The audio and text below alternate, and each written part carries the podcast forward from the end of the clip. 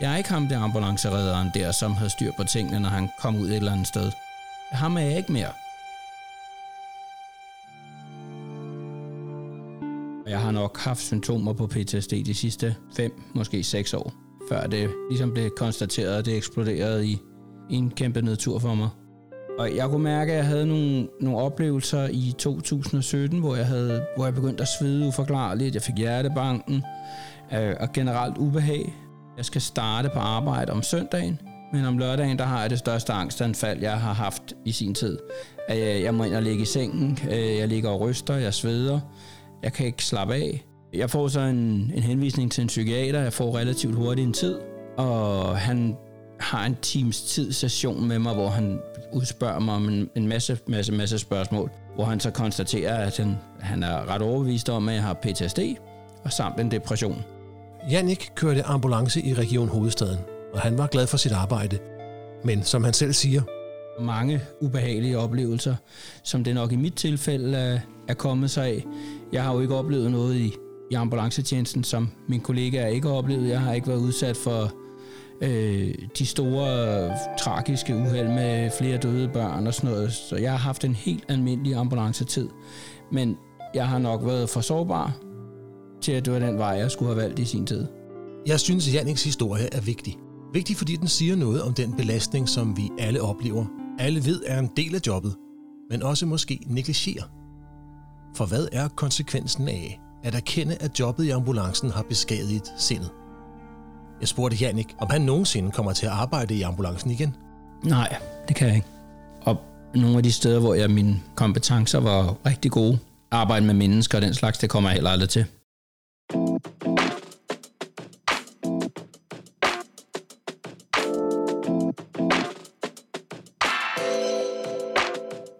Er budskabet i Janniks historie noget, vi kan bruge i ambulancetjenesten? Det er jeg sikker på, vi kan. Det er for en gang skyld ikke patienterne, det handler om. Ikke primært i hvert fald, men dig. Dig og dine tanker, dig og dit helbred. Jeg hedder Ulrik Jørgensen, og jeg er paramediciner i en helt almindelig ambulance i Region Sjælland. Velkommen til IMS Podcast.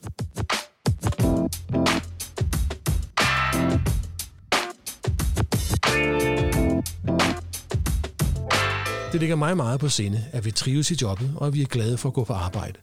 Det er også vigtigt for mig selv at tage ansvar for, hvordan jeg har det, og om jeg bør blive i en branche, der byder på den ene voldsomme oplevelse efter den anden, upagtet, at der kan være langt imellem dem. Men hvad var problemet for Jannik? Hvorfor endte han der, hvor han gjorde? Det er jo en, en, en påvirkning af alle de der små ubehagelige ture, vi har haft. For der, dem har der været masser af, som man ikke nødvendigvis går og tænker over som ubehagelige. Men når jeg kører rundt her i Nordsjælland, hvor jeg har kørt de fleste med ambulanceture, så mindes jeg jo mange af de ture, jeg har oplevet, når jeg kommer rundt i landskabet. Det giver mig så nogle billeder af de ting, jeg har oplevet. Men det er ikke kun turene, der har påvirket mig. Det er også det stress, som arbejdsgiver pålægger en. Det øgede antal af ture, de afbrudte netter, og alt med ferieplanlægning, manglende afspaceringsmuligheder, kontakt på ens fridag, når man fungerer som områderedder. Der kan man blive kontaktet på samtlige sin fridag for at få at vide, hvor man skal møde hen, og det bliver som regel lavet om. Der er ikke den der stabilitet i det, som som man har brug for, eller som jeg i hvert fald havde brug for. At leve med PTSD betyder primært, at det er svært at få hverdagen til at hænge sammen. Altså, jeg fungerer jo virkelig dårligt. Det er lige ved det for meget. Hvis jeg skal tre ting på en uge, to gange arbejdsprøvning, og jeg har en tid hos lægen, eller frisøren, eller et eller andet, at, at det kan jeg næsten ikke overskue. Og når man tænker på, hvad almindelige mennesker, der har et 37-timers job, som også skal til frisøren, og også skal til læge, aflevere børn og handle ind og alle de her ting, hvordan de kan få det til at hænge sammen, og, og det kan jeg ikke og humøret, energien og søvnen bliver påvirket. Øh, jeg havde mange marit, som alle sammen omhandlede døde mennesker. Egentlig ikke om ture, jeg havde oplevet, men, men stadigvæk om død, og at jeg blev jagtet for fuld. Min familie havde i flere år sagt, at der var noget galt med mit temperament og med et humør. Jeg havde svært ved at koncentrere mig, kunne de også oplyse mig om. Øh, jeg har mange skænderier med patienter. Det er en ting, jeg aldrig har oplevet før. Øh, jeg har nogle, nogle vredes eksplosioner. Og i yderste konsekvens, men jeg har haft tanker om, at det var nemmere, hvis jeg ikke var her. Øh, og hvis jeg ikke var her, så havde jeg i hvert fald ikke det dårligt. I USA er der en såkaldt fire captain, en slags brandchef, der har forsket en del i netop PTSD og selvmord blandt ambulancefolk. My name is Dina Alley. I'm a captain with the Raleigh Fire Department. I'm from Raleigh, North Carolina. Hun har undersøgt, om vi som ambulancefolk tager livet af os, og om vi gør det i højere grad end andre. If you look at the data that we have today, it appears that it is higher. There's been several studies conducted where they came back and said that the suicide rate was, for example, I know there was one study out of Chicago, and after that study, the suicide rate for somebody working with Chicago Fire and EMS was 25 per 100,000. That was higher than the general population. The general population was, I think at that time, 12 per 100,000. So it looked like the suicide rate was double. Men i sidste ende tænkte Jannik heldigvis, da han spekulerede over, om han nu skulle tage livet af sig selv. Jeg har ikke haft konkretiseret selvmordstanker. Har du nogensinde oplevet længere perioder med søvnløshed? Altså en periode på 14 dage, en måned, eller måske kæmper du stadig med det, hvor du ikke har sovet, som du gjorde engang. Tryk på pause. Tænk over det i 10 sekunder.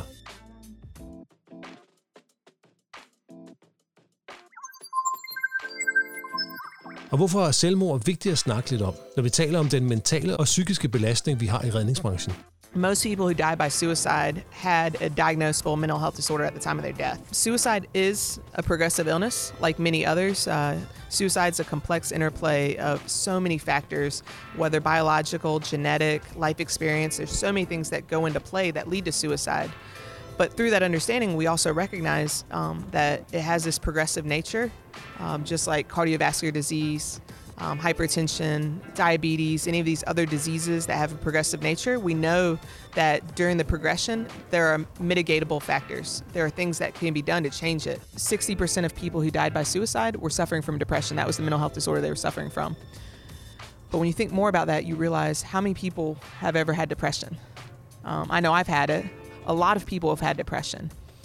When we focus so much on just looking at risk factors, just looking at warning signs, uh, we're kind of missing what we should be doing. Really and truly, what needs to happen is you've got to really get ahead of it. So it's not about, I notice my partner is in burnout, I notice this. It should be months ahead of that. How do you change the culture in the whole work environment to where when somebody is at that point, that they can actually ask for help? Det er altså ikke for sjov, at vi skal passe på os selv og hinanden. Og ikke kun fordi vi skal undgå, at vores liv og ikke mindst vores arbejdsliv bliver ødelagt. Det er fordi, at depression og PTSD er dødsensfarlige sygdomme. Og i jobbet i ambulancen er der såkaldte risikofaktorer, der kan medvirke til at øge risikoen for begge dele. Det er risikofaktorer, der ikke findes i ret mange andre jobs. It is true, we do have a lot of risk factors that other people don't have. Um, sleep disruption. So, uh, this has been a piece historically that has been ignored or avoided when thinking about mental health. But today we understand that uh, sleep disruption, sleep disorders are directly linked to um, poor mental health outcomes. Everything from greater chance for PTSD to greater chance for depression. We like to pick up extra shifts. We get up early, we work overnight. It's been found to be very efficacious for, you know, PTSD, depression, suicidal thoughts, anxiety, organizational factors, poor leadership. That's been found to be an extremely huge risk factor Depressionen, som Jannik også fik med i købet, har, ligesom alle andre sygdomme, en inkubationstid. Noget, der kunne tolkes som værende sygdomsudløsende faktorer, bakterier om man vil, og så er den smitsom. When we think of contagiousness, no, of course not. However, uh, when you think of the components of it, there are certain components that are contagious. Uh, we know that a negative work environment affects all people. So Um, you know, for men, depression can manifest as anger. Jeg har nogle vredes eksplosioner. Jeg har mange skænderier med patienter. Det er en ting, jeg aldrig har oplevet før. So somebody who's depressed, who presents as being angry, can push other people away. Jeg kan samtidig også mærke, når jeg kommer tilbage på stationen, at det første, jeg gør, det er at gå op på mit soverum og lægge mig. Jeg er ikke en del af det sociale på stationen mere. Jeg prøver at undgå også, så vidt jeg kan, at, at spise med de andre. And you never know how you affect somebody else. So you might have somebody else who's going through a hard time, dealing with a divorce at home, you know, struggling with you know the loss of a family member, and then their coworker um, mistreats them. That can push them into you know a depression themselves. So is it contagious? Not quite in the sense that we think of, but it can be. Og det er der, Jannik mener, vi som kollegaer skal hjælpe hinanden og sætte ind i inkubationstiden. Den er helt sikkert forskellig fra person til person, og for Janniks vedkommende gik der fem, måske seks år, Men jeg skulle have været stoppet tidligere, fordi så havde jeg kunne bruge netop nogle af mine kompetencer i det med at arbejde med mennesker. Det kunne jeg have brugt til, at, til mit videre arbejdsliv. Og jeg har ligesom fået lukket nogle, nogle ting, der er nogle broer, som jeg ikke kan gå over nu, som jeg havde kunne gå over, hvis det havde været for 4-5 år siden. Sådan som jeg har forstået det, så er min PTSD blevet kronisk. Og det er fordi, at, at den har været så langvarig. Jeg kan nok få nogle forbedringer, men der var altid være noget af det i mig. Men hvis jeg var stoppet tidligere, så kunne jeg være blevet måske symptomfri, hvis jeg havde været heldig. En ting er, om vi som kollegaer overhovedet er i stand til at se og afkode symptomerne hos hinanden. Noget andet er, om vi selv kan erkende, at der er noget galt og stoppe op. Det er faktisk noget af det, jeg håber, I vil gøre, dem af jer, der døjer med nogle af de ting, som Janik har kæmpet med og stadig kæmper med. Stoppe op og mærke efter, og ikke mindst være ærlig over for dig selv og over for hinanden. Jeg kan jo se, jeg har jo selv skrevet på en hjemmeside her, hvor jeg efterfølgende har fået mange henvendelser fra kollegaer, som siger, at de er stoppet med samme symptomer. Øh, og mange, der siger, at det er godt nok 10 år siden, de er stoppet, men de kan genkende rigtig mange af de ting, jeg skriver. Jeg kan se, at der er flere kollegaer, der har været sygemeldt med, med stresssymptomer, og som så er kommet tilbage. Og jeg har stødt på mange, som jeg vil tænke havde noget, der mindede om det, jeg har. Men har vi overhovedet værktøjerne til at spotte symptomerne på ikke kun PTSD og depression og stress, men generelt på, at vores elskede kollega er på vej ned i et stort sort hul, der potentielt kan gøre, at han eller hun aldrig kan arbejde i ambulancetjenesten igen. Eller sågar bare arbejde igen. Jeg har været i arbejdsprøvning i de sidste fire måneder, to gange to timer om ugen. Og det kan jeg mærke, at det er lige ved det for meget. Der er altid et grundlag, hvorpå PTSD, stress eller depression, eller en hvilken som helst anden psykisk belastning begynder at spire. It's a complex interplay of so many factors, whether biological, genetic, life experience. There's so many things that go into play. But through that understanding, we also recognize um, that it has this progressive nature, um, just like cardiovascular disease, um, hypertension, diabetes, any of these other diseases that have a progressive nature, we know that during the progression, there are mitigatable factors. There are things that can be done to change it. It doesn't just happen. So, in that and knowing that understanding is we know that there can be things done. Fordi det hænger sammen med dit humør, din energi, dit stressniveau. Dementia, you know, from poor sleep. But also, people don't realize that poor sleep's also tied to mood and emotions. So if you're not sleeping a lot, you're more likely to be angry, um, you know, frustrated, and those things impact relationships, which also impact your mental health. Uh, Og ikke mindst, selvom det nok er en overraskelse, poor leadership, um, lack of supervisor support, um, you know, lack of role clarity. There's so many things that are inherent in organization. So, you know, a lot of people look and they say, "Oh, you ran a bad call. You could have PTSD." They don't realize that it's not the call that was run. It's actually more to do with the relationships and the organization and the leadership. Det er altså den første del af anamnesen. Hvad er grundlaget for, at du selv eller dine kollegaer har det skidt og ikke trives? For at kunne gennemskue, hvad der foregår med os selv eller kollegaerne, hvad skal vi så kigge efter? Hvad skal vi være opmærksom på, som måske netop kan få os til at stoppe op og sige noget, eller se på os selv? Først og fremmest, så gør netop det. Stop op og sig noget. Bryd tavsheden. So the research has found there are a few interventions that work for all people. However, one thing that they did find that works for all people is if you are worried about somebody, you need to be able to ask them directly. And of course, like I, I said earlier, you've got to have that relationship with them to where you trust each other and you can be empathetic. But if, if you have that relationship and you can ask somebody, let them know, you know, what you've noticed, the research has found that that question is actually one of the few things that has been found that can be an intervention because a lot of times they feel like they can't let anybody know. They wear a mask, they hide it. Um, through all of that, it makes it worse because they feel so isolated, they feel so alienated, make them feel like there's something wrong with them, that they're crazy, that you know nobody can relate. Um, and the sad thing is, all along, they are a symptom of something else. So that person's suffering, and they want nothing more than help. Uh, so what the data found and the research found was when you ask somebody directly, it actually is a relief to that person because they realize that this uh, armor that they have doesn't work. Um, and what they found is when that person's able to open up and talk about these feelings, it's the first time they can start to hear what they're experiencing. And a lot of times through opening up and talking, they can find solutions. Hvis man kigger pakker det væk, så kommer man ingen steder med det. Altså, så får man kun negativt ud af det. Og det er jo også derfor, at jeg netop har skrevet på den hjemmeside, vi snakker om, at Altså, jeg har bare sat mig ned og skrevet, uden at tænke på komme og stavefejl eller noget som helst, bare for at komme af med det. Og så må folk læse det for, hvad det er. Øh, og, og netop også har det været rigtig vigtigt at være ærlig. Altså, om alt. Og så er der nogle ting, vi kan prøve at lægge mærke til hos os selv og hos andre. Jannik med tre ting. Helt klart, at hvis jeres familie siger til jer gentagende gange, der er et eller andet galt, der er noget galt, at så skal man lytte på dem. Selvom man ikke selv kan se, at der er noget galt, så skal man lytte til sin familie. Fordi det er tit dem, der kan se det. Også hvis ens kollegaer, de siger, prøv at høre, at du skulle være gået og været gnaven det sidste stykke tid, eller eller andet. Lyt til det og tag, tag det til sig for at se, om, om er der noget i det her? Er det rigtigt, hvad de siger? Øhm, og for mit vedkommende var det jo også noget med, med mit søvnmønster ændrede sig. Altså jeg sov hele tiden, også når jeg var hjemme. Alkoholforbrug. Har du et stigende alkoholforbrug? Drikker du væsentligt mere, end Sundhedsstyrelsen anbefaler, du gør? Kan det være, du skal tænke to gange over det? Og Dina med tre ting. For me, I think it's much more important to address it much earlier and to do it in a way that it's not about how do you intervene, but how do you make it to where people, when they're suffering, when they're struggling, are willing to ask for help? We have to all recognize how important it is uh, to practice self care. Practice self care, to take five, ten minutes out of the day for yourself. A lot of first responders, I know me for years, we are just on the go all the time. And, you know, you get a text, you get a message, you feel like you have to reply to it right away. We're constantly anxious. You know, EMTs, uh, if they're not putting their sleep first, uh, and we, we all know it, like we like to pick up extra shifts. We get up early, we work overnight.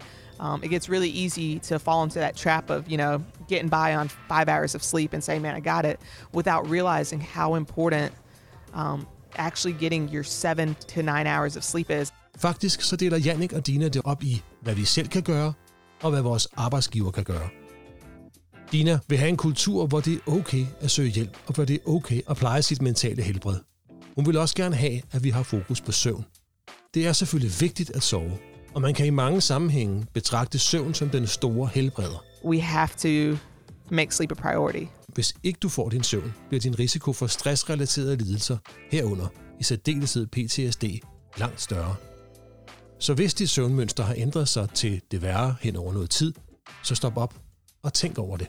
Hvis din familie og dem, der kender dig bedst, siger, der er noget galt, så lyt til dem. Hvis du begynder at medicinere dig selv for at finde ro, for eksempel ved at drikke alkohol, ryge hash eller tage coke, så stop op og spørg dig selv, hvorfor du har det behov.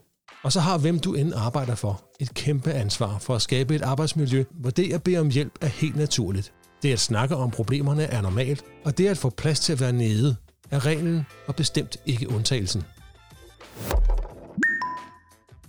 Har du en kollega eller to, som måske har nogle af de symptomer, som Jannik snakker om?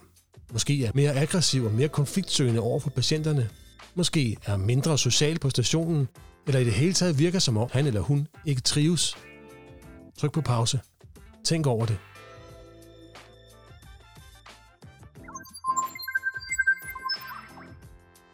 Hvorfor er det overhovedet et problem at være redder med symptomer på PTSD, stress eller depression?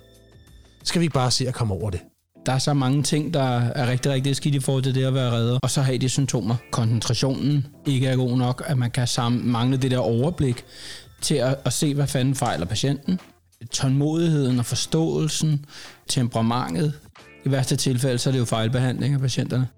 Altså, man, man har jo helt klart nogle tanker om, hvad tænker min tidligere kollegaer om mig? Og, ah, hvor er han også bare en tøsdreng, eller et eller andet. Altså, jeg har heldigvis fået mange positive tilkendegivelser. Og hvorfor skal man ikke bare holde på? Går det ikke bare i sig selv? Ja, altså, fordi man risikerer at stå samme sted igen, og man risikerer at få en forværing i ens tilstand. Vi har et specielt job. Det er måske en floskel, men det er sandheden, og det er ikke et job for alle. Vi er formentlig alle sammen blevet påvirket af de mange oplevelser, vi har haft i årenes løb, og nogle af os har helt sikkert taget skade. Men der er elementer i vores kultur og vores omgang med hinanden, der mere i ambulancetjenesten end nogen andre steder, tror jeg, giver os mulighed for at beskytte os selv og hinanden. You know, we do run a lot of calls that are frustrating. Um, and so, yeah, we can get to that burnout. But we do have a great sense of purpose, especially in times where we see tangibly that we saved a life. So that's another protective factor that EMTs have that a lot of people don't is knowing that what you do does matter, knowing that you have an opportunity to save a life. So we have these protective factors that sometimes we forget. And then um, I think probably you can relate, uh, just like anybody else. Uh, we have friends from the work, you know.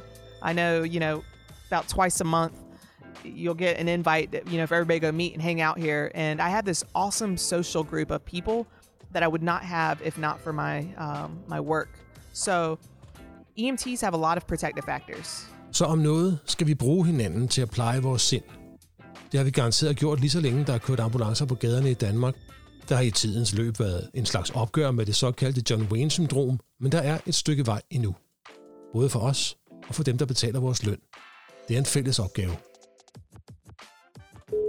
Næste gang. Noget helt, helt andet. Martin Betzer, paramediciner.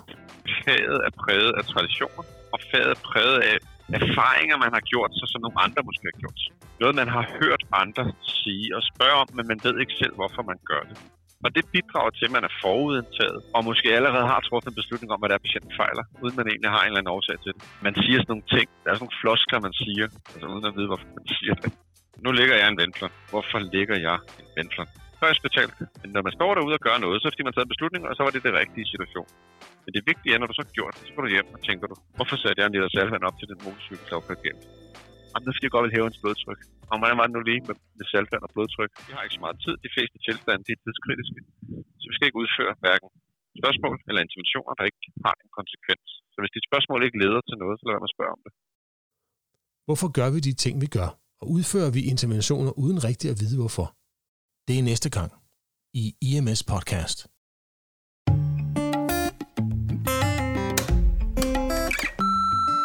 Hej, jeg hedder Mads Fallesen, og jeg kører ambulance i Kolding i Region Syddanmark. EMS Podcast er støttet af Falk Danmark. Tak til alle dem, der har bidraget med gode idéer og kritiske input. Podcasten har også en service, der giver dig mulighed for at læse op på dine ambulancefaglige teorier, uden at skulle bladre igennem endnu en mursten af lærebøger. Den hedder Kviklæser. To gange om ugen popper der emner op, som du kan google og læse på under 10 minutter. Klik på linket i episodenotater og meld dig til. Alle er velkommen til at komme med feedback og gode idéer, og alle, der gider skrive, får et svar. Gå ind på podcastens Facebook-side eller Instagram-profil og kommenter, eller på podcastens YouTube-kanal og skriv der. Det fedeste vil være, hvis jer, der selv lytter med, var med til at bestemme indholdet af AMS podcast. Skulle du have lyst til at lytte til mere podcast om dit absolutte yndlingsarbejde, så har Foamedic et bredt udvalg af episoder om alskens emner, der alle er gode og relevante. Og det er også på dansk. Så mens du tænker over, hvad du gerne vil høre mere om, så klap din kollega på skulderen og fortæl ham, at han gør et godt stykke arbejde, og frem for alt, nyd din næste vagt. Og som en sidste lille kommentar til det her afsnit, så husk på, at hvad end der er blevet sagt, og uanset om der findes studier og forskning, der understøtter det, der er blevet sagt, så skal I, for jeres egen skyld, holde jer til de instrukser og procedurer, der er gældende lokalt der, hvor I kører.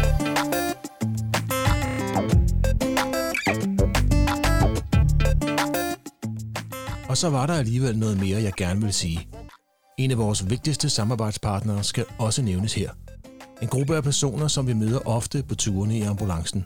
Politiet har et meget konfrontatorisk arbejde, hvor fysiske og verbale konfrontationer er en enorm meget stor del af deres job. Og deres risiko for PTSD er høj. Indtil videre viser tallene, at den er næsten dobbelt så høj som hos almindelige mennesker i hele Europa. I skal bare vide, at vi ser jer, drenge og piger, og vi hører jer. Vi ses derude, og pas på jer selv.